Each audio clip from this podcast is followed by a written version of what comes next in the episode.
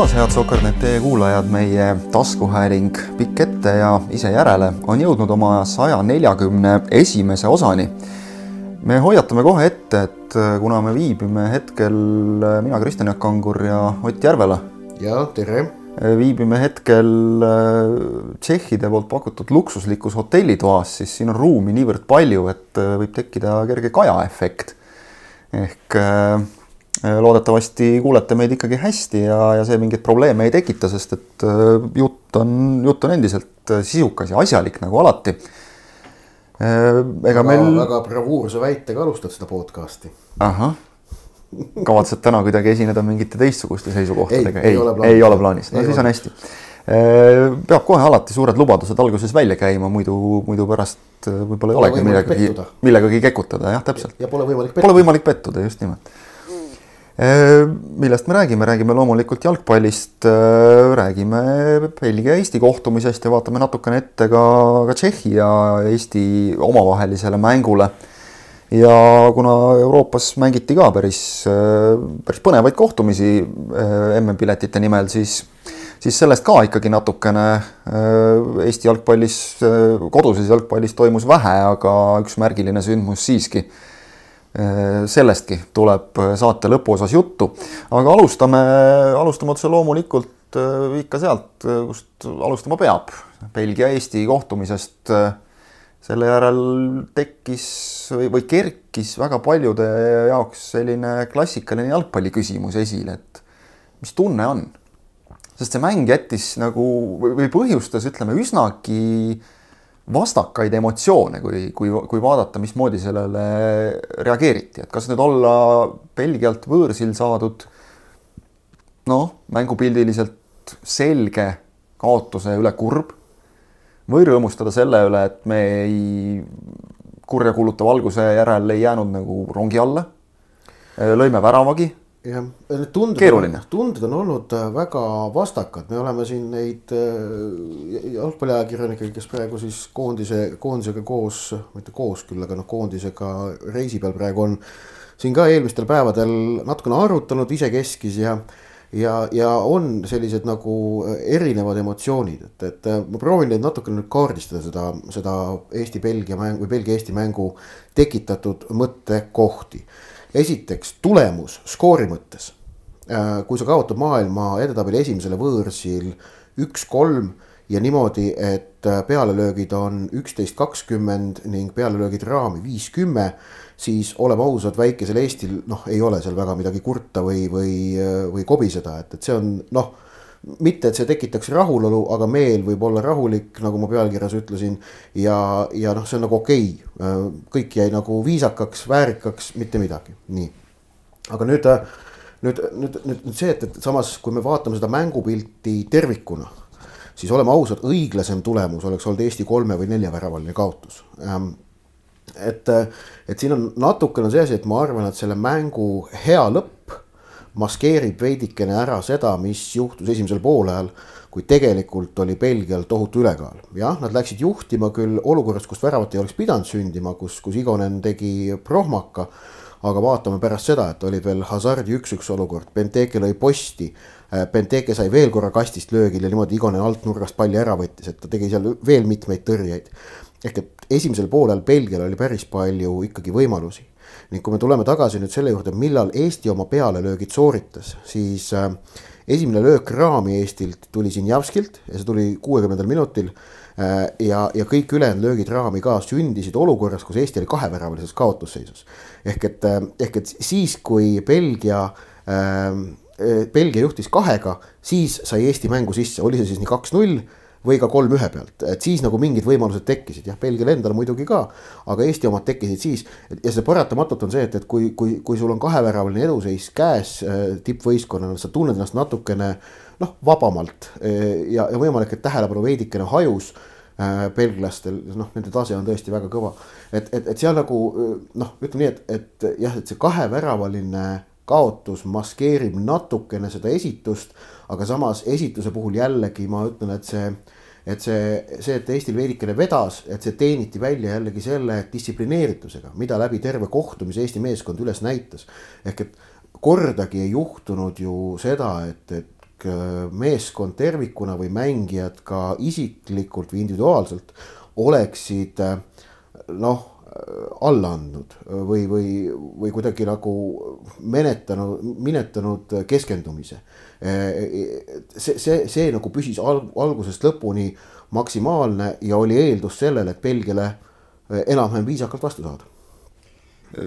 just see, et, et selle võrdlemisi noh, nadi alguse järel me oleme näinud ennegi, kuidas, kuidas Eesti laguneb, kuidas, kuidas väiksem, üldse väiksem meeskond noh, laguneb ikkagi täielikult. eriti kui, kui ta tuleb veel nii lollist väravast. kas see näitab ikkagi nagu seda, et, et vaimses plaanis see meeskond on omadega praegu päris õiges kohas, tundub? Sest, sest neid hetki, kus oleks võinud noh, just nagu sa ütlesid, nagu minetada ükskõik milleks me seda siis nimetame, kas keskendumiseks või või, või, või noh, ütleme vaimseks valmisolekuks, milleks iganes. Neid hetki ju oli tegelikult, mäng nagu pakkus selliseid momente, ka näiteks see, et, et kui veerand tundi jäi ju mängida, kui Belgia lõi kolm-üks, vist neli minutit oli vahet Eesti väraval ja belglaste kolmandal väraval, sealt oleks võinud veel paar tükki tulla, aga kuidagi nagu ka sealt, seal tekkis olukordi, need mängiti kõik ikkagi lõpuni. jah, sellega, sellega nõus äh, noh, ja neid hetki jah, et kus nagu noh, no ikkagi võtame selle üks-null värava, et, et kus nagu noh, Matvei Igonen eksis jämedalt. et noh, see on nagu väga selgelt koht, kus võib tekkida noh, murdumine ka tervel võistkonnal, et noh, sest et. kui sa oled niivõrd keerulise väljakutsega nagu Belgia võõrsil silmitsi ja siis ähm, noh, kui Annika Rasko lõi kaks-null, seal ei ole mitte kellelegi tegelikult mitte midagi nagu ette heita, et seal lihtsalt Äh, noh oli nagu tippkvaliteet ja mis pandi maksma, noh, võib seal hakata nokkima, et miks keskpoolkaitsjad seal täpselt ei olnud ja nii ja naa, aga noh, tegelikult oleme ausad. see oli lihtsalt olukord, kus nagu maailma tippmängija pani oma kvaliteedi maksma, lõi suurepärase värava. tõstame käpad üles, aplodeerime. üks-null värav oli selline, mis noh, kus seda ei olnud, kus oli lihtsalt enda, enda kala. Ähm, et aga jah, murdumist ei olnud kummagi puhul, vaid, vaid näitab see, et see selgroog ja usk enda mängu on olemas jätkuvalt ja, ja noh, see on olnud ka Toomas Häberli tegelikult suurim saavutus, et mitte võit Valgevene üle või mitte Balti turniiri võit, vaid see, et see jalgpalliline kreedo on Eesti võistkonnas nüüd tugevalt sees kui Häberlist äh, räägime, siis ei saa üle ega ümber Häberli valikutest. Äh, jätta Rauno Sappinen pingile sellises mängus, mees, kes on sel hooajal paugutanud igast asendist, äh, panna Sergei Zenjov sisse julge käik. tagantjärgi muidugi noh, on juba palju silma jäänud arvamusi, et äh, kui vaadata, mismoodi Sappinen tuli ja mängis, et noh, küll me oleks Sappineniga esimesel poolel ka ikkagi midagi teinud. kas ei ole natukene nagu selles plaanis äh, selline asjade liigne lihtsustamine, et Sappinen tuli ju sisse, teistel meestel, vastastel oli kuuskümmend minutit ka ikkagi juba jalgades. Sappinenil ei olnud ta tuli, tuli ja tõi, tõi värskust, mida vahetusmees peab tooma, aga kas ta oleks saanud olla läbi mängu niivõrd värske, see tundub natukene kaheldav. Äh, muuseas ka Sinjavski vahetus tõi seda särtsu juurde ja Sorga tuli vahetust nii, et lõi värava ehk et kolm no. vahetust, mis nagu toimisid kõik väga hästi. ma ütleks tegelikult kõik viis vahetust isegi toimisid, sest Puri Soomets noh, ütleme ja. ka andsid omas ampluaas äh, natukene juurde, et see, see, me oleme nagu harjunud sellega, et, et kui, kui Eesti teeb vahetusi, et siis hakkab meie mäng teinekord ära vajuma. seekord nagu sa ütlesid, noh, okei okay,, Puri ja Soomets mängisid niivõrd vähe, võtame siis, räägime nendest kolmest vahetusest. kõik kolm vahetust andsid Eesti mängule märkimisväärselt juurde mm. -hmm, mm -hmm. ja ähm, selle, sellega nõus, aga nüüd see Sapinini teema, et noh, et ega me ei tea kunagi vastust. see, see nagu noh, see ei ole niivõrd lihtne, üks pluss üks võrdub kaks äh, võrrand ähm,. kus, äh, kus, kus sa tõstad nagu ühe tüki teise kohta ja siis on teada, mis see tulemus on, et ei ole ähm, siin selgelt äh, Häberli ütles pärast mängu, et tal on viis ründajat. ta ütles, tal on, mul on viis head ründajat, ta, ta tõi välja eraldi veel ka Robert Kirsi äh,. noh, lisaks on ju siis Anier, Zenjov, Sorga, Zappinen ja et, et ta nagu äh, nende seas ta nagu valikuid teeb ja noh, ma tahan väga loota ma olen kindel, et äh, rahvuskoondise peatreener äh, äh, vaatab natukene ka ikkagi strateegiliselt seda asja ja siin on tegemist kahemängulise koondise aknaga.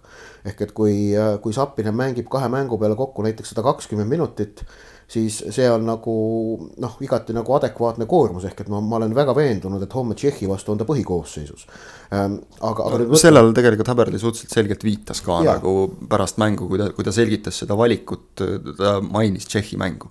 ja, ja et, et, et noh, ja, ja Sapineni ütleme taktika, et sa jätad väga hea mängija meelega varusse, et tuua ta sisse edurivisse eelkõige just nagu värskemana teisel poolajal no see selline taktikaline nõks ei ole mitte midagi uut maailma jalgpallis, seda on kasutatud kogu aeg ja nüüd lihtsalt seekord kasutati seda Sapineni kaudu. et, et võimalik, et see oli natukene ootamatu, aga ma nagu ei näe küll selles otsuses mingit, ma ei tea, kuritegu või midagi imelikku, et, et see on, selliseid valikuid äh, treenerid peavadki tegema ja noh just nimelt see, et edurivis on praegu valikud, see on seadnud ikkagi Häberli sellise meeldiva luksusprobleemiga silmitsi Eestis, Eesti jalgpallikoondisel sellist olukorda, niivõrd head olukorda ründe edurivis pole olnud mitte kunagi tegelikult. noh, sellist, sellist, sellist asja, et meil on praegu on nagu noh, okei okay,, Kirss, ma arvan, on seal valikus selgelt number viis, aga ülejäänud nelja seast sa võid erinevaid paare moodustada. sellist asja pole meil enne Eestis olnud kindlasti jah, meil on olnud neid ründeduosid. Äh, kellel on üks vahetusmees. jah, üks vahetusmees, täpselt ütleme siis isegi kolmikuid võib-olla, kelle seast valida, aga nelja meest, seda küll ei ole. oli ooper Zelinski paar ja, ja Viikmäe oli sageli see vahetusmees, kes neile pakkus vahetust, on ju. et, et aga sellist nagu nelikut ei ole võtta olnud selles mõttes tõesti luksus, et kui me siin võrdleme, ütleme eelmiste treenerite tulemusi ja, ja, ja nüüd seda, mida Häberli teeb, et noh, tuleb ka võib-olla natukene need asjad konteksti panna.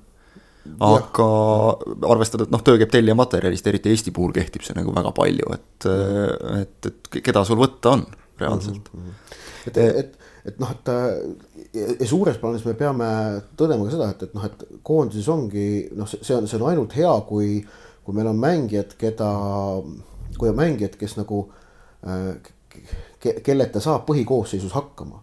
et noh, seekord ei olnud, ei olnud Heide ei olnud Kuuske, ei olnud äh, Käiti ja polnud Zappinini põhikoosseisus. noh, igast lii-, liinist oli üks äh, selge liider või noh, selgelt nagu noh, staar puudu ja sellele vaatamata Eesti mängis võõrsil Belgia vastu noh, korraliku mängu, ma ütlen jah, mängupildi põhjal natukene vedas, et see kaotus oli kaheväravaline, aga mäng oli korralik, esitus oli korralik. kui me arvestame, et kui Eesti teeb Belgia vastu võõrsil äh, üksteist pealelööki millest äh, viis on raamidesse, me lööme värava. kõige hullem ei ole. ja kõige hullem ei ole jah, jah, kuigi ma ütlen, et nende pealelöökide puhul ka, et ta on, ta on natukene maskeeritud. nõus, nõus, aga no, ikkagi ja, ütleme, me oleme näinud, me oleme näinud palju nürimaid ja koledamaid mänge mis oleks võinud ka võib-olla lõppeda null-kaks kaitses istumise, palli minema peksmise abil. millegipärast tuli meelde praegu. see, on nüüd see, see on nüüd see emotsiooni pool pa, täpselt, mis tekib. tagune Levadia Kalju mäng, vaata kui Levadia võitis kaks-üks ja seal oli ka nagu pärast seda oli mingit arutamist, et noh, nii või naa ja siis olukorra, et kas seal, kas penalt oli pehme ja kas nagu Levadia ikka vääris võita niimoodi. asja võttis kokku Frank Liivak, kes naeratas, ütles, et kolm punkti olemas, lähme koju ehk et, ehk et. nii ta ju ongi tegelikult. jah, et, et noh, et äh, praegu ka, et sellest Belgia mängust äh, saime üle, saime mööda, siit on noh, saab rahulikult, rahulikult edasi liikuda. just saime üle, saime mööda, sa, sa ise ka ütlesid omavahel rääkides, et väike hirm on enne neid mänge, et Belgia ja Tšehhi mängud lõhuvad ära selle hea tunde, mis on saavutatud nüüd eelmiste mängudega, et ütleme, Tšehhi mäng on veel ees, me ei tea, mis sealt tuleb, sealt võib tulla ka midagi koledat, teoorias täiesti võimalik, aga Belgia mängust seda tunnet ei jäänud. Ma arvan, et äh, seda Tšehhi mängu ma ausalt öelda nüüd kardan oluliselt vähem, pärast seda, kui sellest Belgia, Belgiast äh, nagu õnnestus niimoodi mööduda, et, et suuremate noh, kuidas öelda, krahhideta, siis selle Tšehhi mängu pärast äh, mure on oluliselt väiksem. Et, et, et tegelikult seesama Belgia mäng näitas ka jällegi seda, et võistkonnal on olemas usk enda võimetesse ja sellesse mänguplaani, mis on paika pandud. jah, esimene poolaeg äh, oli, oli kehv, aga see usk ei kadunud ära ja see on äh, selline hea märk, vaata, et, et kui nagu plaani usutakse, siis on võimalik kuskile jõuda lõpuks. kui me räägime veel mängijatest, nii-öelda mängijate personaalküsimustest, siis Igoneni me juba mainisime. Igonen, äh, ütleme, et pani nagu ikkagi paika selle, et ta on koondise teine väravavaht selle on. mänguga mitte ainult selle eksimusega, mille ta tegi või, või nende tõrjetega, aga, aga noh, üks oluline asi sellistes mängudes eriti on see, et jalaga mäng ikkagi. Igonenil on, on Karl-Jakob Heinaga võrreldes noh, selgelt kehvem element.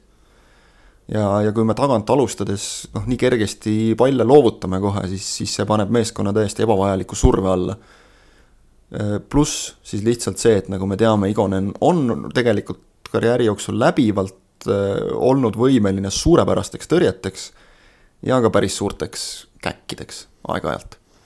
tal on viimasel ajal selles osas stabiilsus selgelt kasvanud, ütleme Flora euromängudes on ta olnud äh, läbivalt korralikul tasemel, korra, kui ma õigesti mäletan, vist isegi Sokranete toimetus valis ta mängu parimaks, aga suures plaanis ikkagi jah, suures plaanis ikkagi seda seda taset, mida on, on Hein juba hoolimata oma noorusest ja ütleme, et noh, ikkagi vähestest kogemustest äh, koondise väravas näidanud, sellest jäi Igonenil seekord puudu. jaa, äh, Karl-Jakob Hein on Londoni Arsenali kolmas väravvaht see on, see on nagu Londoni Arsenal, kui ma viimati vaatasin Premier League'i tabelis on viiendal kohal, et see nagu näitab taset lihtsalt, kus on Hein. Äh, ma ei vaidle üldse vastu sellele, et Hein on Igonenist hetkel parem väravavaht ja, ja see on, see on nagu selge, sellepärast ongi ka niimoodi, et Hein on koondises esimene, Igonen on teine aga nüüd sellest üheteistkümnenda minuti eksimusest äh, ma nüüd sellest äh, ausalt öelda äh, see nagu ei häiri mind tegelikult üldse, kui ma nüüd tagantjärele selle mängule otsa vaatan. see, kuidas Igonen suutis ise sellest niivõrd kiiresti üle olla, kinnitas minu jaoks asjaolu, et tegemist oli, oli sellise noh, hetkega, mida väravahtidel vahest tuleb ette. vaata, kui ta nagu tegelikult ka oleks ebakindel Äh, siis oleks see asi ta nagu rööpast välja löönud, aga seda ei juhtunud, vaid ta mängis väga kindlalt edasi.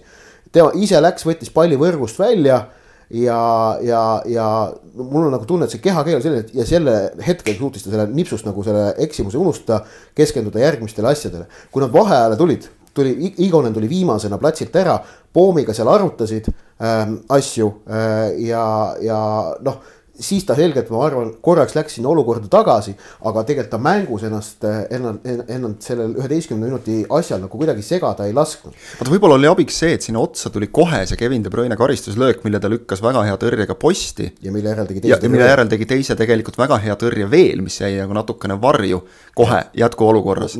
ja sellega sai ilmselt nagu ka sellise enesekindluse tagasi. ja no. seega, ja mis puudutab nüüd seda jalaga mängu, siis äh, seal oli ikkagi ka mitmel puhul need söödud, mis talle tagasi mängiti kaitsjate poolt, seal oli, jättis soovida ka nende söötude kvaliteet ja täpsus, et seal näiteks noh, mängiti Igoril kohati mängiti valele jalale ja seal on nüüd see, et, et noh, kas meestel ei olnud meeles või mingi muu error oli, sellega pandi ta keerulisse seisu.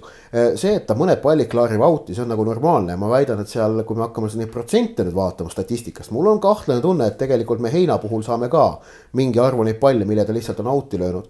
et, et need protsendid väga ei erine, kuigi ma möönan, muidugi Hein on ka jalaga mängus, on Igonenist parem ja ja noh, et seda, mida me nägime näiteks ju kodus Walesi vastu, kui Hein andis lõpus äh, karistuslööki keskväljalt, sest et ta annab neid lihtsalt väga hästi, siis äh, noh, täitsa sellist äh, kvaliteeti me Igonenil ei näe, aga meenutame nüüd seda, kuidas on Flora mänginud Euroopas Igoneniga, siis tal on selgelt rahvusvaheline tase olemas ta on kindlalt Eestis hetkel paremuselt teine väravvaht ja vaatamata sellele üheteistkümnenda minuti intsidendile ja, ja paarile out'i läinud äh, väljalöögile. ma nagu ei kahtle üldse, et ta on noh, et meil oleks nagu väravahi positsioonil praegu midagi nagu muretseda, et ei ole, tegelikult on seis on hea. Igonen on, Igonen on hea vend ja Igonen on üks neist, kes võib nagu talvel Florast ikkagi välja liikuda. et noh, tema see, kuidas ta on suutnud eurosarjas läbi terve eurosarja üle, sarnaselt ülejäänud Flora meeskonnaga teha nagu stabiilselt head esitused ilma ärakukkumisteta, see näitab taset ja kui me räägime veel äh, meestest äh, individuaalselt, siis, siis üks mängija, kes torkas silma ja samuti positiivselt, äh, Markus Poom. et kui keskel on, on nüüd tegelikult võimalik mõelda ka, ka keskväljal nüüd, kui jah, Käit oli praegu puudu, aga, aga kui kõik mehed on olemas, ka variandil äkki Kreida, Käit ja Poom. Poomi no,, Poomi kohta üks kolleeg võttis hästi kokku, et mängumehe mäng jah, jah, see on see, et, et kohe, kui Konstantin Vassiljevil tuleb mingi kahvatum esitus sisse, siis kohe on see, et ei, ei see Kostja enam ei jaksa. seda räägiti juba kolm aastat tagasi minu meelest vähemalt. viis aastat viis tagasi, tagasi, viis aastat tagasi räägiti ka seda. et ei, peame ikka midagi välja mõtlema nuputama äh, siiamaani on Konstantin Vassiljev kõigile nendele kriitikutele, kriitikale alati suutnud nagu vastuse leida. Selge on see, et Vassiljevil noh, ta kolmkümmend seitse ja, ja see hooaeg on olnud kahtlemata väga kurnav. sellele ju vastu ei saa vaielda. keegi pakkus, et kas, kas Vassiljev on üldse hooaja jooksul nii tihedalt nii kõrge tasemega mänge nagu pidanud mängima, koondis, Floraga eurosarjas. no Venemaa kõrgliigas ta tegi ju Amkarjast ikkagi täishooaja. jah no. aga, aga palju neid hooaegu ei ole, sest et ta ei ole mänginud klubides, mis mängiksid äh, väga nagu pikalt eurosarja no karjääri jooksul. eurosarja alagruppi mängib tema ka esimene kord just. et, et noh, okei okay,, Eesti meistriliiga on veidike teine tase jällegi, eks ole, aga. et, et, et noh, Kostjal seal mingit noh, ma ei tea, kas see on väsimus või midagi muud, aga noh, jah, ta ei, selgelt ta ei teinud oma parimate päevade mängu no,. mulle tundus, et see oli ikka osalt tingitud ka sellest, et äh, noh, kui siin mõned belglased ka natukene ärplesid enne mängu, et, et me neid eestlasi ei tea ja kas on vajagi üldse Vassiljevit ikka teati. Ehk et osati silma peal tal hoida seda. tal oli kollane pael ka õlavarju, oli lihtne ära tunda. just, eks ole, lihtne üles leida platsilt. Vassiljevi personaalküsimus, äh, selle üle võib muidugi pikalt arutleda, ma endiselt olen veendunud, et tuleb sealt lõpuks tugevamana tagasi, nagu ta on siiamaani ikka teinud. aga äh, samas tõsi on see, et, et need Poomi esitused nii kodus Walesi vastu kui ta mängis Vassiljevi asemel, kui ka nüüd siis Belgia vastu, kui ta oli nagu käidi asemel selles keskvälja kolmikus. kui ta mõlemal korral on mänginud hästi, on nüüd tekitanud ikkagi olukorra, kus äh, keskväljal on valik laienenud. ehk et kui siiani oli meil ikkagi selle taktikalise skeemi juures noh, suht raudselt paigas, et keskvälja kolmik, kui mehed on terved, on Kreida, Käit, Vassiljev. ja siis oli tükk tühja maad ja, ja kust me võtame kellegi järgmise siis nüüd on Poom ennast selgelt ikkagi sinna valikusse mänginud. mis tähendab tõesti, nagu sa, nagu sa mainisid ka, et, et tekib nagu tahtmine näha, et aga kas ilma Vassiljevita ka saaks niimoodi, et oleks Käit Poom Kreida on ju. või, või noh, mis seal nagu veel variandid on, tõsi on see, et ilmselt nagu eh, ei, ei Poom, Vassiljev ega Käit, noh Käit veel suudaks täita vajadusel Kreida rolli eh, aga ikkagi pigem mitte, vaid pigem kui Kreidat ei ole, siis võetakse tagant Karol Mets ja tõstetakse keskväljale, on ju.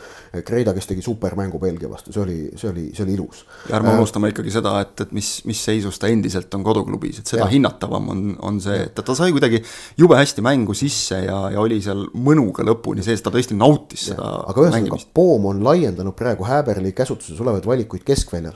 samamoodi nagu tal, nagu ennem rääkisime pikalt on ju sellest edurivi valikust, siis nüüd on ka keskväljal need valikud olemas. Keskkaitses on need valikud olemas. Äh,, sellepärast et seal on Baskotši näol äh, olemas äh, noh, sellele segametsale kindel vahetusmees, kui vaja on. Ja väravas on valikud olemas, küsimus on nüüd, on ju äärte osas vasakul äärega on seis hea, Ojamaa, Sinjavski on praegu väga hästi teineteist täiendav duo, kes nagu suudavad teineteist vahetada niimoodi, et see kvaliteet seal ääre peal säilib.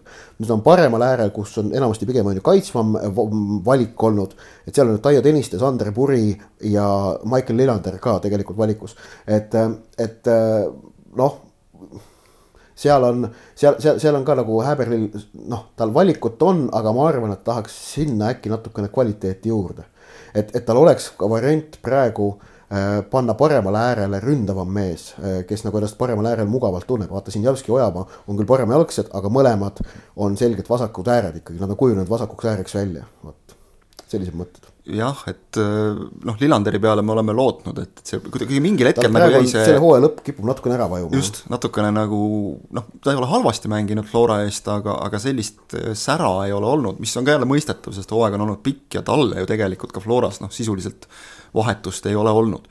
Tõniste ja Puri on kogenud mehed, aga noh, nagu me, me nägime ka selles mängus, siis just nimelt ka, ka ründefaasi toetamine jäi ikkagi, ikkagi selgelt äh, nõrgaks ja,. jah, jah aga jällegi oleme õnnelikud selle üle, et, et siin üldse on valikut võtta, et kui me räägime praegu ka ikkagi kolmest mehest, kes kõik võiksid seal mängida ja kelle kõigi puhul noh, ei, ei oleks nagu muret, kui nad alustavad, ei peaks nagu põdema, kas ta saab hakkama.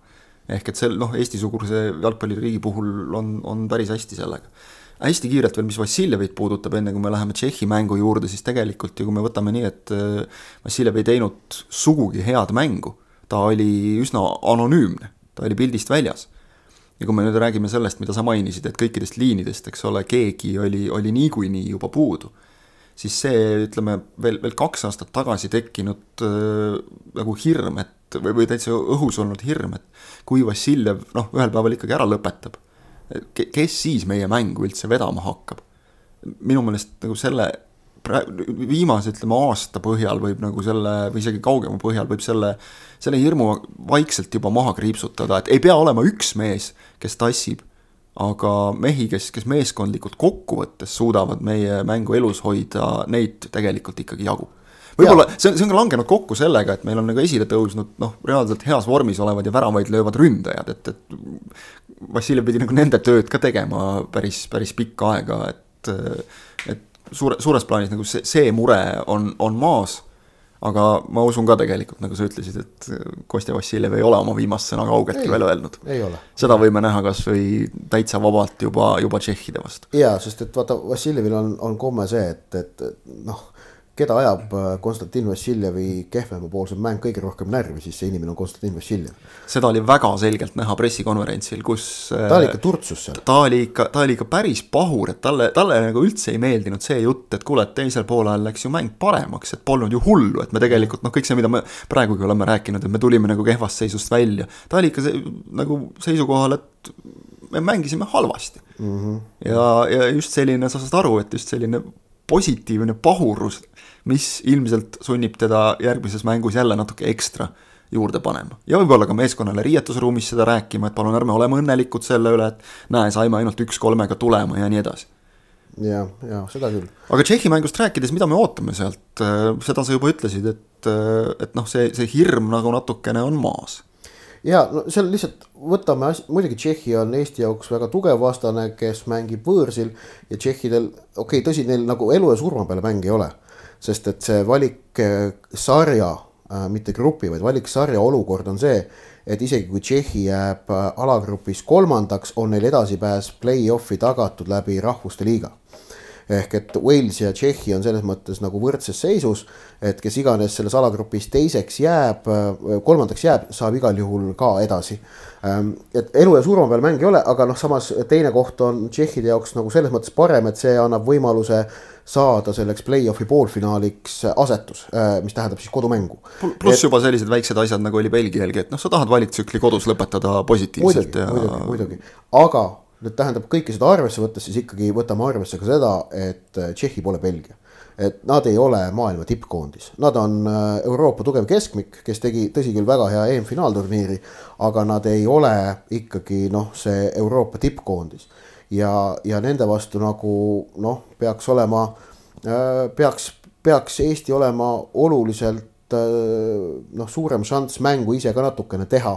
Äh, olukorras, kus veel, kus, kus, kus seis on tasavägine. Nad on, ütleme siis jah, nagu mängitavam Eesti jaoks. peavad olema, muidugi on. kahtlemata. ja, ja, ja ma usun, et, et Eestil nagu see noh, koosseisu ma arvan, väga palju ei muudeta, Sinjavski tuleb põhisse, ma eeldan, Sapinen tuleb põhisse. küsimus on see, kes Sapineni kõrval mängib, kas on Sorga või on Zenjov või Anieri ma täitsa ka ei välistaks, tegelikult seal on kõik kolm varianti on olemas. arvestades, et Anier võeti võrdlemisi varakult välja Belgia vastu, siis täitsa võimalik, et ta alustab no, uuesti. see oli vist natukene seotud ka etteheidetega, tema, ta seal paaris olukorras pressingus oli veidikene laiske äh, äh,. vähemalt mulle jäi nagu mulje, et Häberli laiutas käsi seal Anieri suht, suunas paaril puhul ähm,. aga aga jah, et, et seal nagu edurivis tulevad need muudatused, keskväli ma eeldan, et on sama, kui mehed terved. kui on vaja vahetada sinna, Martin Miller seda vahetust nagu pakub sinna või noh, Soomets võib ka olla. Äh, äärtel, kas paremal äärel tuleb, võimalik, et paremal äärel tuleb ka Sander Puri. Äh, keskkaitses on siis see, et Märten Kuusk on tagasi, kindlasti mängib. ja küsimus on see, kas Baskotši pannakse siis äh, paremasse kaitsesse või jääb vahetusse. mängis Baskotši tegelikult hea mängu, et võimalik, et Baskotši liigub parem kaitsesse, jah poleks nagu üllatav. vasakul äärel ma, ma eeldan küll, et Sinjavski tuleb nüüd põhisse, oleks nagu loogiline. tahaks ka uskuda jah, et, et lihtsalt jällegi, kui me siin nagu lähtume sellest, millele Häberli viitas selle Sapineni vahetusega, et ta mõtleb kahte mängu tervikuna ja üritab teravust ja värskust hoida, siis, siis oleks igati, oleks igati, igati nagu loogiline mm. -hmm. ega vist muud ei olegi, ootame ja vaatame. jah, et, et mis see..., mis need tšehhid suudavad meie vastu. jah, ja mida meie suudame tšehhide vastu, seal jah, selle mängu ajal nagu sellist jah, vaata. suurt intriigi nagu õhus selles mõttes ei ole, me oleme nagu kuidagi täiesti märkamatult kõige selle Belgia mängu ja kõige selle varju jäi nagu see, et, et me ju tagasime oma selle miinimumeesmärgi, mis oli enne enne valiktsükli algust, Valgevene mängis oma viimase mängu Walesiga ära, sai selle selgelt, selgelt pähe ja neljas koht on, on alagrupis käes, et noh, rohkemat siit reaalselt koha mõttes püüda olnuks väga raske, arvestades kust, mis seisust me seda valikgruppi alustasime ja kuidas äh, läks kohe kahe esimese mänguga. et selles, selles plaanis tuleb ju rahul olla. jah, et siin tuleb ikkagi öelda, et me nagu oleme Valgevene selles mõttes ka üle mänginud äh, selgelt, et äh, okei okay,, omavahelised mängud jäid, on ju üks-üks tõsi, Eesti kaotas Valgevenele siis selle kevadise mängu, kui meil oli koroonareha võistkonnast üle käinud aga kui me vaatame seda sisse lastud väravate arvu ja väravate vahet ka, et noh, Valgevene on ikkagi saanud pakke nad said ju null seitse Belgialt, nüüd nad said Walesi käest üks-viis. et äh, noh, meie pakid on noh, kodune kaks-viis Belgiaga on pakk, aga rohkem pakke ei ole, ma seda Tšehhiga kaks kuute ma ei võta arvesse, sest see oli jällegi teistsuguse koosseisuga tehtud. et olusid arvestades on, on Eesti ikkagi mänginud seda gruppi nagu noh, viisakalt suuremate ärakukkumisteta, erinevalt Valgevenest. ja, ja et noh, et kuna see väravate vahe on praegu Eestil selgelt nagu parem, siis tegelikult äh, Äh, oleks tagatud see neljas koht ka siis, kui Walesi käest võõrsil punkti poleks saadud. aga noh, too esitus omakorda siis nagu on, on olnud selge märk sellest, et Eesti ongi selles valiksarjas olnud Valgevenest parem. ja see neljas koht, millega Eesti valikgrupi lõpetab, on igati nagu õiglane ja põhjendatud. jah, oleme selle auga välja teeninud. jaa absoluutselt. ja, ja nüüd on see, et, et noh, kas see on asi, mille üle uhke olla, noh uhke mitte rahul, aga tubli ikka. rahul võib ikka olla. jah, et tuleta meelde, et noh, et rõõmu võib ikka tunda, et see on, see on nagu see, mida ma kogu aeg räägin, et, et mida osad justkui jalgpallisõbrad nagu ise vabatahtlikult enda elust välja lõikavad, et rõõmu võid sa alati tunda mingite asjade üle, ei ole vaja nagu seda häbeneda või. kust me alustasime, me alustasime viiendast äh, tugevusgrupist, äh, loositi Eesti sellesse alagruppi, Valgevene oli neljandast. kõige madalama asetusega võistkond äh, ja selle pealt on suudetud natukene nüüd ülespoole tulla, see on nagu selles mõttes asi, mille jah, üle võib rõõmustada. aga muidugi leiub alati ka neid jalgpallihuvilisi, kelle jaoks oletame, et Eesti jõuab EM-finaalturniirile, siis on see, et no mis mõttes ei saa alagrupis ka edasi EM-il, kahe, kahekümne neljast kuusteist saavad edasi Eesti lähe, no piinlik on, no häbi, noh. niimoodi me küll ei jõua, noh, niimoodi noh. kogu Euroopa, kogu leiab, Euroopa naerab no, meile. selliseid inimesi leiab ka raudselt, ära muretse. tervisi neile kui me nüüd juba jõudsime jutuga siin finaalturniiride ja asjade juurde, siis, siis ongi vist paslik siit, siit edasi minna sellise nii-öelda üldisema, suurema jalgpallijutuga, et Juh muu Euroopa mängis ka lisaks meile. või mängib ja, veel. või mängib ja mängib veel. aga just eilne õhtu oli, oli, oli väga, väga, väga põnevate mängude õhtu. see, et Hispaania võitis Rootsit, noh, kodus raskelt tuli, aga seda võis natuke aimata, rootslased mängisid siin, siin ise oma suurepärase võimaluse eelmise vooruga maha, kui nad Gruusiale kaotasid. neil oli super šanss, aga andsid käest. jah, et kui nad oleks Gruusiat äh, võitnud, oleks neil piisavalt Hispaania vastu võõrsil viigist, nüüd nad pidid võitma ja kaotasid null-üks. aga no põhimäng oli ikka Serbia-Portugal. aga põhimängu juurde jah, just tahan, tahan jõuda ka noh, täpselt selline mäng nagu kuskil stsenaariumit kirjutades ilmselt kokku joonistatakse, et teisel minutil läheb äh, serblaste rängast prohmakast Portugal kodus juhtima kusjuures Portugalile piisanuks viigist, pidu, möll ja siis tulid serblased kuskilt nurgast, serblased, kellel on kuidagi alati olnud äh, see maine küljes ja kaasas, et äh, suurtel hetkedel nad käkivad ära oma suured võimalused. no nad ongi käkkinud ikka väga palju ka. no aus. põhjusega on kaasas maine muidugi, ega see tühjast ei tule. aga pöörasid asja ümber ja, ja Aleksandr Mitrovitš, mees, keda on ka palju tambitud kes teeb täiesti pöörast hooaega Inglismaa esiliigas praegu. tal oli seal vist kas seitseteist mängu, kakskümmend väravat või midagi sellist, noh täiesti, või olid need vastupidi, aga väga vahet ei ole, täiesti jaburad numbrid ja üheksakümnendal minutil Mitrovitš peaga ja nii vaikset staadionit ei ole ammu, ammu olnud kui, kui Portugalis.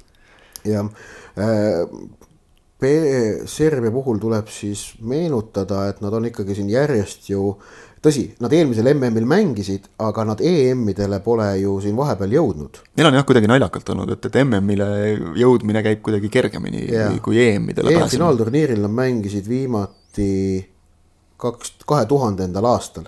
MM-il jah, olid nad kohal nii kaks tuhat kuus, kaks tuhat kümme kui kaks tuhat kaheksateist, tõsi, kordagi grupist edasi ei saanud.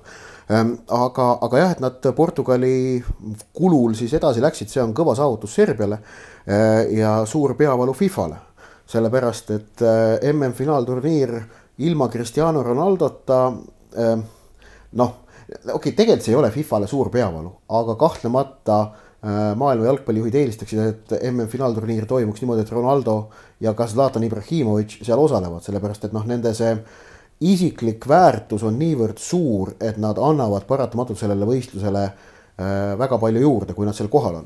tõsi, muidugi lugu on ka see ja, ja jalgpalli lugu, kui, kui Ronaldot ei ole, kui Zlatanit ei ole, tõusevad esile teised mängijad, selles ei tasu kahelda Ähm, aga, aga jah, et see nagu ütleme nii, et, et noh, see oleks mõlema mehe jaoks ilmselt viimane MM-finaalturniir ja noh, Zlatani jaoks kindlasti. ei, ma just mõtlesin, et neljakümne aastase Zlatani puhul ütled, et ilmselt viimane, aga tema puhul. Zlatani puhul kindlasti ja Ronaldo puhul ilmselt on ju no,, et, et. tea, Zlatani puhul ma mingi ühe protsendi jätaks ikka õhku, mine hullu, hullu vanameest tea, aga okei okay et, et noh, oleks ju vägev, kui need äh, legendid saaksid veel korra MM-il mängida, aga noh, see on nagu spordis mõttes väga lihtne, et kõik tuleb nagu ise välja teenida. eks tulevad uued legendid äh, asemele, et, et kui on vaja nagu lugu ehitada, siis küll see leitakse, üks lugu, mida annab ehitada kindlasti on Guillain Pape peale mees tegi selles mõttes noh, ei teinud ajalugu, aga kordas ajalugu, mida väga vähesed on teinud, ehk äh, L'Equipe, kes ei anna kümnest pallist kümmet. L'Equipe on siis Prantsusmaa spordipäevaleht. just, kõige tuntum, kõige kuulsam, kõige mainekam. see, kes annab välja ka Ballon d'Ori. just, ehk et nende hinnang maksab. kaksteist korda on nad andnud nüüd siis välja hinnet kümme. kaheteistkümnendat korda sai Mbappe selle, ehk et neli väravat. Üks sööt vist ka. üks sööt ka veel sinna juurde ja, ja Prantsusmaa on, on ka kindlalt EM-il, noh oleme ausad. vastas oli kasahhid, et noh. no kasahhid jaa, aga noh, ikkagi. jah, kaheksa-null ja nõnda edasi. no jällegi muide näide sellest, et noh, ega nüüd võtame Kasahstani nagu rahalised võimalused, võrdleme Eestiga, mängijate valiku, arvestades, et neil on olnud tippklubi, kes meistrite liigas on mänginud, seal oli ikkagi kasa-, kasahhe seejuures mm, -hmm. täitsa arvestatavalt Aktoberi ridades, või Astana ridades, vabandust, et äh, võrreldes siin näiteks Tiraspoli Šerifiga, kus Moldova mängijaid üldse ei ole ehk et äh, noh, meile selline paslik vastane ja, ja, ja tuli pakk jälle, et, et sellest hoidumine on nagu omaette väärtus. aga Prantsusmaa on edasi, Hispaania on edasi, Serbia on, on MM-il. Äh, kui vaadata siin tegelikult Põhjamaid, siis, siis Rootsist äh, oli, oli juttu, Holland ja Norra tegid enda elu keeruliseks, norrakad said küll lätlaste vastu palli väravasse vist kaheksakümnendal minutil, aga Varr võttis ära selle suluseisu tõttu. Äh, lätlaste alaliidu president sai viigipunkti puhul teha lubatud supluse Norra fjordis. Vesi oli vist miinus üks või? või pluss üks, õhk oli miinus üks. ja vesi miinus üks ei olnud, vesi oleks jää olnud vaata. no ma just mõtlesin, et, et ta kuidagi kahlas sinna sisse, et, et see, see vist päris ei saanud olla. jääsupp ei olnud. jääsupp ei olnud, aga noh, käige Norra fjordis ujumas, vaadake, kui mõnus on. no kindlasti on mõnus. aga Põhjamaadest rääkides, siis Soome üllatab nagu jälle või ma ei tea, kas seda saab see, enam üllatuseks nimetada. Bosniale võõrsil ära panid, kolm-üks oli kõva, me vaatasime sinuga seda mängu ühes Brüsseli äh, söögikohas, kus me lõunat sõime väga sümpaatne kelner arvas, et me oleme soomlased selle peale, et me Soome mängu vaatasime ja tuli meile pärast, ütles olga hüva ja kiitos meile. Äh, tegemist oli siin belglasega. küll jah. ja, aga, aga Soome mängis kõvasti, noh, ikkagi jääda vähemusse ja ikkagi see mäng ära võita, enamik mängust pidada võõrsil Bosnia vastu vähemuses see oli, see oli kõva töö, aga noh, neil on ilmselt on nüüd teist kõva tulemust veel vaja. sest et äh, Ukraina mängib nüüd Bosniaga, aga mängib võõrsil, küll minu meelest oli võõrsil. on võõrsil, jah. aga kuna Bosnial kõik šansid läinud, siis noh, ütleme elu on näidanud, et sellises olukorras ikkagi sellel võistkonnal, kellel on midagi mängus, kipub see tulemus ikkagi kätte tulema, ehk et noh, et kui ja kui Ukraina Bosniat võidab, siis Soomel teatud tingimustel võib piisata ka viigist Prantsusmaa vastu aga teatud, kui, kui Ukraina võidab äh, vähemalt kahe väravaga, siis enam viigist ei piisa. kui Ukraina võidab ühe väravaga, siis sõltub sellest, mis on täpselt nagu väravate arvud. Et, et, et soomid võivad vajada prantslaste vastu ka võitu nüüd homme õhtul olümpiastaadionil, aga Helsingi olümpiastaadion on välja müüdud. ja äh, öökull on teada andnud, et tuleb ka, kui vaja, appi. ja tuletame meelde, et Prantsusmaa sai edasi. ehk et seal võib täitsa vabalt nii mõnigi staar jääda pingile või üldse koju ehk siis äh, noh, mingi võimalus on alati. Mingi ja, võimalus on alati, kui alati on see variant, et keegi võtab teisel minutil punase, nagu mulle meeldib öelda, või kahekümnendal sekundil, nagu Andorra siin sai Poola vastu. sai hakkama jah. jah, jah, aga aa, ühest asjast, kuule, me ei ole rääkinud veel, mis mulle kõige suuremat rõõmu muidugi valmistas. olime eile Prahas maandunud, lülitasin lennukis telefoni sisse ja hops, mis ma näen ongi Venemaa tappa saanud ja Horvaatia MM-ile saanud, mina olen ikka sellise niimoodi, niimoodi üles kasvatatud, et Venemaa vastu tuleb olla ja ma olen ka igal pool spordis Venemaa vastu no. täiesti varjamatult. mulle teeb rõõmu, kui Venemaal läheb spordis halvasti ja mul oli väga suur rõõm, et nad MM-ile praegu ei saanud. Äh, ma loodan, et nad ka play-off'is saavad tappa. ja Venemaa tegi muidugi Venemaad ehk et kes on Venemaa suurim vaenlane, ikka Venemaa ise, oma väravast ja tähtsas mängus kaotus ja, ja kisub jälle sinna, et, et seal juba on, on vahvaid klippe levinud, kus äh, Match TV stuudioeksperdiks äh, toodud legend viskab vaheajal kõik juhtmed, asjad, klapid küljest, ütleb mina lähen minema, aitab küll mm. -hmm. mis ilusast mängust või mis, mis mängust te üldse räägite, te pole õiget jalgpalli näinudki. ehk et noh, see, see Venemaa selline ka igasugune nagu need sisetõmblused, noh, need ei tule sellele jalgpallielule kasuks, et mulle tundub, et need need mehed mängivad kogu aeg nagu sellise surve all, et noh, sealt ei saagi objektiivselt võttes väga ja, palju midagi tulla.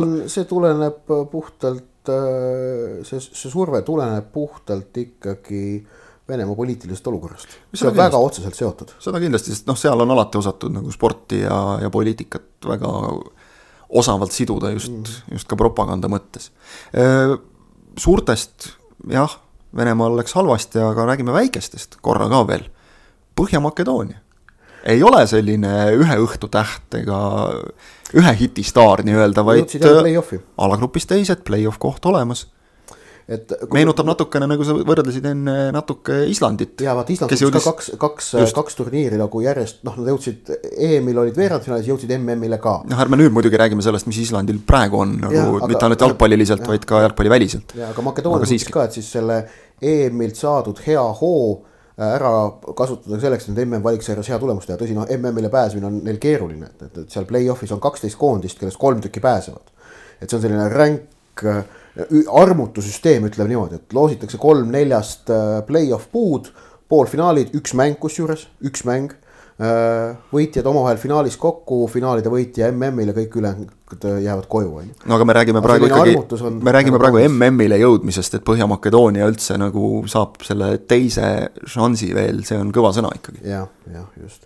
aga, ja mujalt maailmast ma nii palju ütlen, et kellel homme õhtul mingil põhjusel ei taha vaadata Eesti-Tšehhi mängu, siis äh, Eesti ajaga kell kakskümmend üks null null, täiesti fantastiline kohtumine Aafrikas. Kamerun ja elevandiluurannik, noh, selle Aafrika äh, jalgpalli noh, ikoonid omavahel vastamisi ja siis äh, panused on maksimaalsed, et, et äh, Kamerunil vist piisab viigist, elevantidel on vaja võitu äh, ja selle mäng otsustab, kumb pääseb siis edasi järgmisse faasi, kus on siis lõppfaas Aafrikas on see, et on kümme koondist, tehakse viis äh, play-off paari ja, ja võitjad MM-ile Cameron ja elevandid omavahel, noh, Kaspar Koort, ma kujutan ette, meie kolleeg Kaspar Koortil praegu suu jookseb vett sellele mängule mõeldes. ja noh, alati on leiutatud ka variant, et paned kaks ekraani kõrvuti, vaatad ühe pealt ühte mängu, teise pealt teist mängu, nii et kes ja. tahab, sellel nägemata ei. et see MM valiksarjas nagu ägedaid mänge on, et noh, et ja, ja noh, ütleme mujal maailmas ta hakkab ka Äh, tasapisi hakkab see kulminatsioon nagu tulema, noh, Aasias on esialgu veel päris palju minna, et seal on mõlemas alagrupis on, on jõutud nagu poole peale. seal need kõige otsustavamad mängud on veel ees.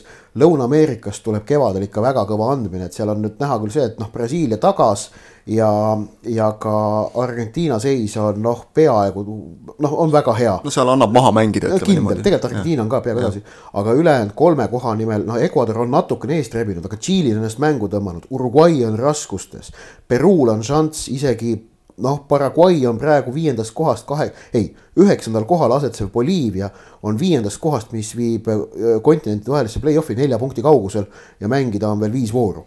noh, see on täitsa nagu okei okay seal kõik ikka. see on vahva ja, et seal ka pinge püsib endiselt, aga, aga püsib ka Euroopas, nii et äh, siin, siin on häid mänge tulekul, tulekul veel viimases voorus. Äh, ja siis loomulikult need, need play-off'id veel, veel sinna otsa, mis nagu sa ütlesid, on, on ka sellised noh, eriti teravad. meie mängime see samal ajal märtsis siis äh, play-out'i äh, Küprosega. jah, väga tähtsad mängud ja just selles plaanis on, on tähtis, et, et siit nüüd sellest aknast jääks nagu selline noh, ütleme siis, kas nüüd positiivne emotsioon, aga ta ei oleks nagu ülinegatiivne, ta võib olla neutraalne, see on täiesti okei. Okay.. noh, ma ei ole uurinud ja ei tea ka, aga, aga eks näis, kas äh, soovitakse koondisele ka sel aastal jaanuaris mingit treeninglaagrit äh, korraldada või teha. tahaks uskuda, sest et noh, eelmine kevad ju, ju läks untsu mitmes mõttes ikkagi polnud ju väga võimalik nagu ka kuskile, noh, oli see Ferencvarose mäng, aga et, et noh, sa. ei no see, noh, tähendab, ma mõtlengi, et, et sarnane asi teha nagu Ferencvarosega no,. saaks vähemalt, saaks vähemalt sellegi. jah, et, et see, see nagu on, on noh, see on selge see, et, et sinna laagrisse saavad tulla eelkõige ainult Eesti klubide mängijad mm. aga eks näis, kas seda tahetakse teha. ja kui Eestist rääkida, siis, siis tõesti on siin mängitud Rahvaliiga finaale palju õnne nende võitjatele, see aitab püramiidi hoida. väga kahju, et, et neid mänge ei olnud võimalik äh, pidada A Le Coq Arena'l. Muru... see oleks noh, andnud li, lihtsalt puht emotsionaalselt, see oleks andnud nagu ja. väga palju nendele, nendes finaalis osalejatele. jah, aga infoks siis, et miks ei mängitud, no tegelikult on seis see, et seal nagu on, on, on mitmelt poolt on kuulda olnud, et A Le Coq'i muru on äh, seis ei ole kuigi hea, et ei ole midagi hullu, aga et noh, plats ei ole praegu kuigi hea, ill on, on saanud sel aastal kõva koormust ja ja, ja ka ilmad pole vist olnud täpselt sellised, mis on nagu noh, ideaalsed oleks olnud. ehk et Flora peab seal mängima veel ära nüüd novembri lõpus oma äh, viimase konverentsiliiga mängu ja, ja siis ongi juba märtsiks on tegelikult Küprose mänguks seda platsi vaja, et, et seekord on vaja märtsis igal juhul seda platsi on vaja. just, just ärme unustame seda, et, et noh, tuleb juba ette ka vaadata, mitte see, et, et Üllar enne, enne suurt talve need saaks Üllar, ära mängida. ja Üllar Lanno sekkumist seekord karta ei ole vaja ning märtsis seda platsi on vaja, just aga seal kõrval jah, Sportland Arenal kõvasti müdistatud, Levadia võitis karikasarjas Kalevit näiteks kolm-null oodatud tulemus, aga. mõttes kõige tähtsam mäng vist Eesti jalgpallist äh, eelmiste päevade jooksul kõige, kõige ja. märgilisem mäng äkki ütleme niimoodi siis või? kas see, oota, kas see mäng oli, oli see Vändras või oli ta Hiiul? Äh. vabandust, oli see Sportlandil või oli ta Hiiul? Ma mõtlen kohe peab..., ma saan sulle öelda seda kohe, kus, kus meil Leegioni, Leegioni duubel mängib esiliiga B-s jah, et sinna me, sinna me jutuga tüürime, see mäng toimus, see oli Kalju kodumäng ja see toimus Hiiu kunstmuru staadionil no,. viiekümne nelja pealtvaataja silme ees, kusjuures huvitaval kombel on märgitud mänguolud pluss viis päikesepaisteline ilm, kunstmuru heas seisukorras. no vot.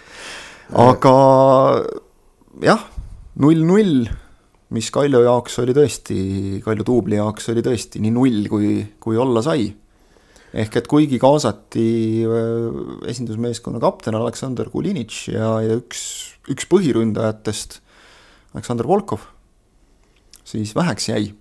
Leegionil muidugi tuleb tõdeda, oli seal ka päris palju premium-liiga kogemusega mehi, German Schlein, noh okei okay,, tema puhul on aru saada, ta taastub, taastub endiselt vigastusest, ei ole esinduse eest palju mänginud küll aga on seda teinud Aleksandr Šapovalov näiteks, on seda teinud Leonid Arhipov, Aleksandr Volodin, et, et seal on, seal oli, jah, jah, e- seal, seal ikka oli neid mehi, et. ei no Leegion pani kõva satsi vastu küll, aga noh, kokkuvõttes tulemus on siis see, et Nõmme Kalju duubel kukkus esiliiga B-st välja teise liigasse. ja, ja, ja.... asi, mis oli õhus pikka aega, siin viimases voorus oli, oli selline noh, sõltus ka teise mängu tulemusest, aga kuna Läänemaa sai sai kümnekesi lõpetanud Vändra Vapruse vastu viigi kätte, siis, siis sellest piisas, sest et äh, Läänemaa ja Kalju Tuubel lõpetasid võrdsetel punktidel.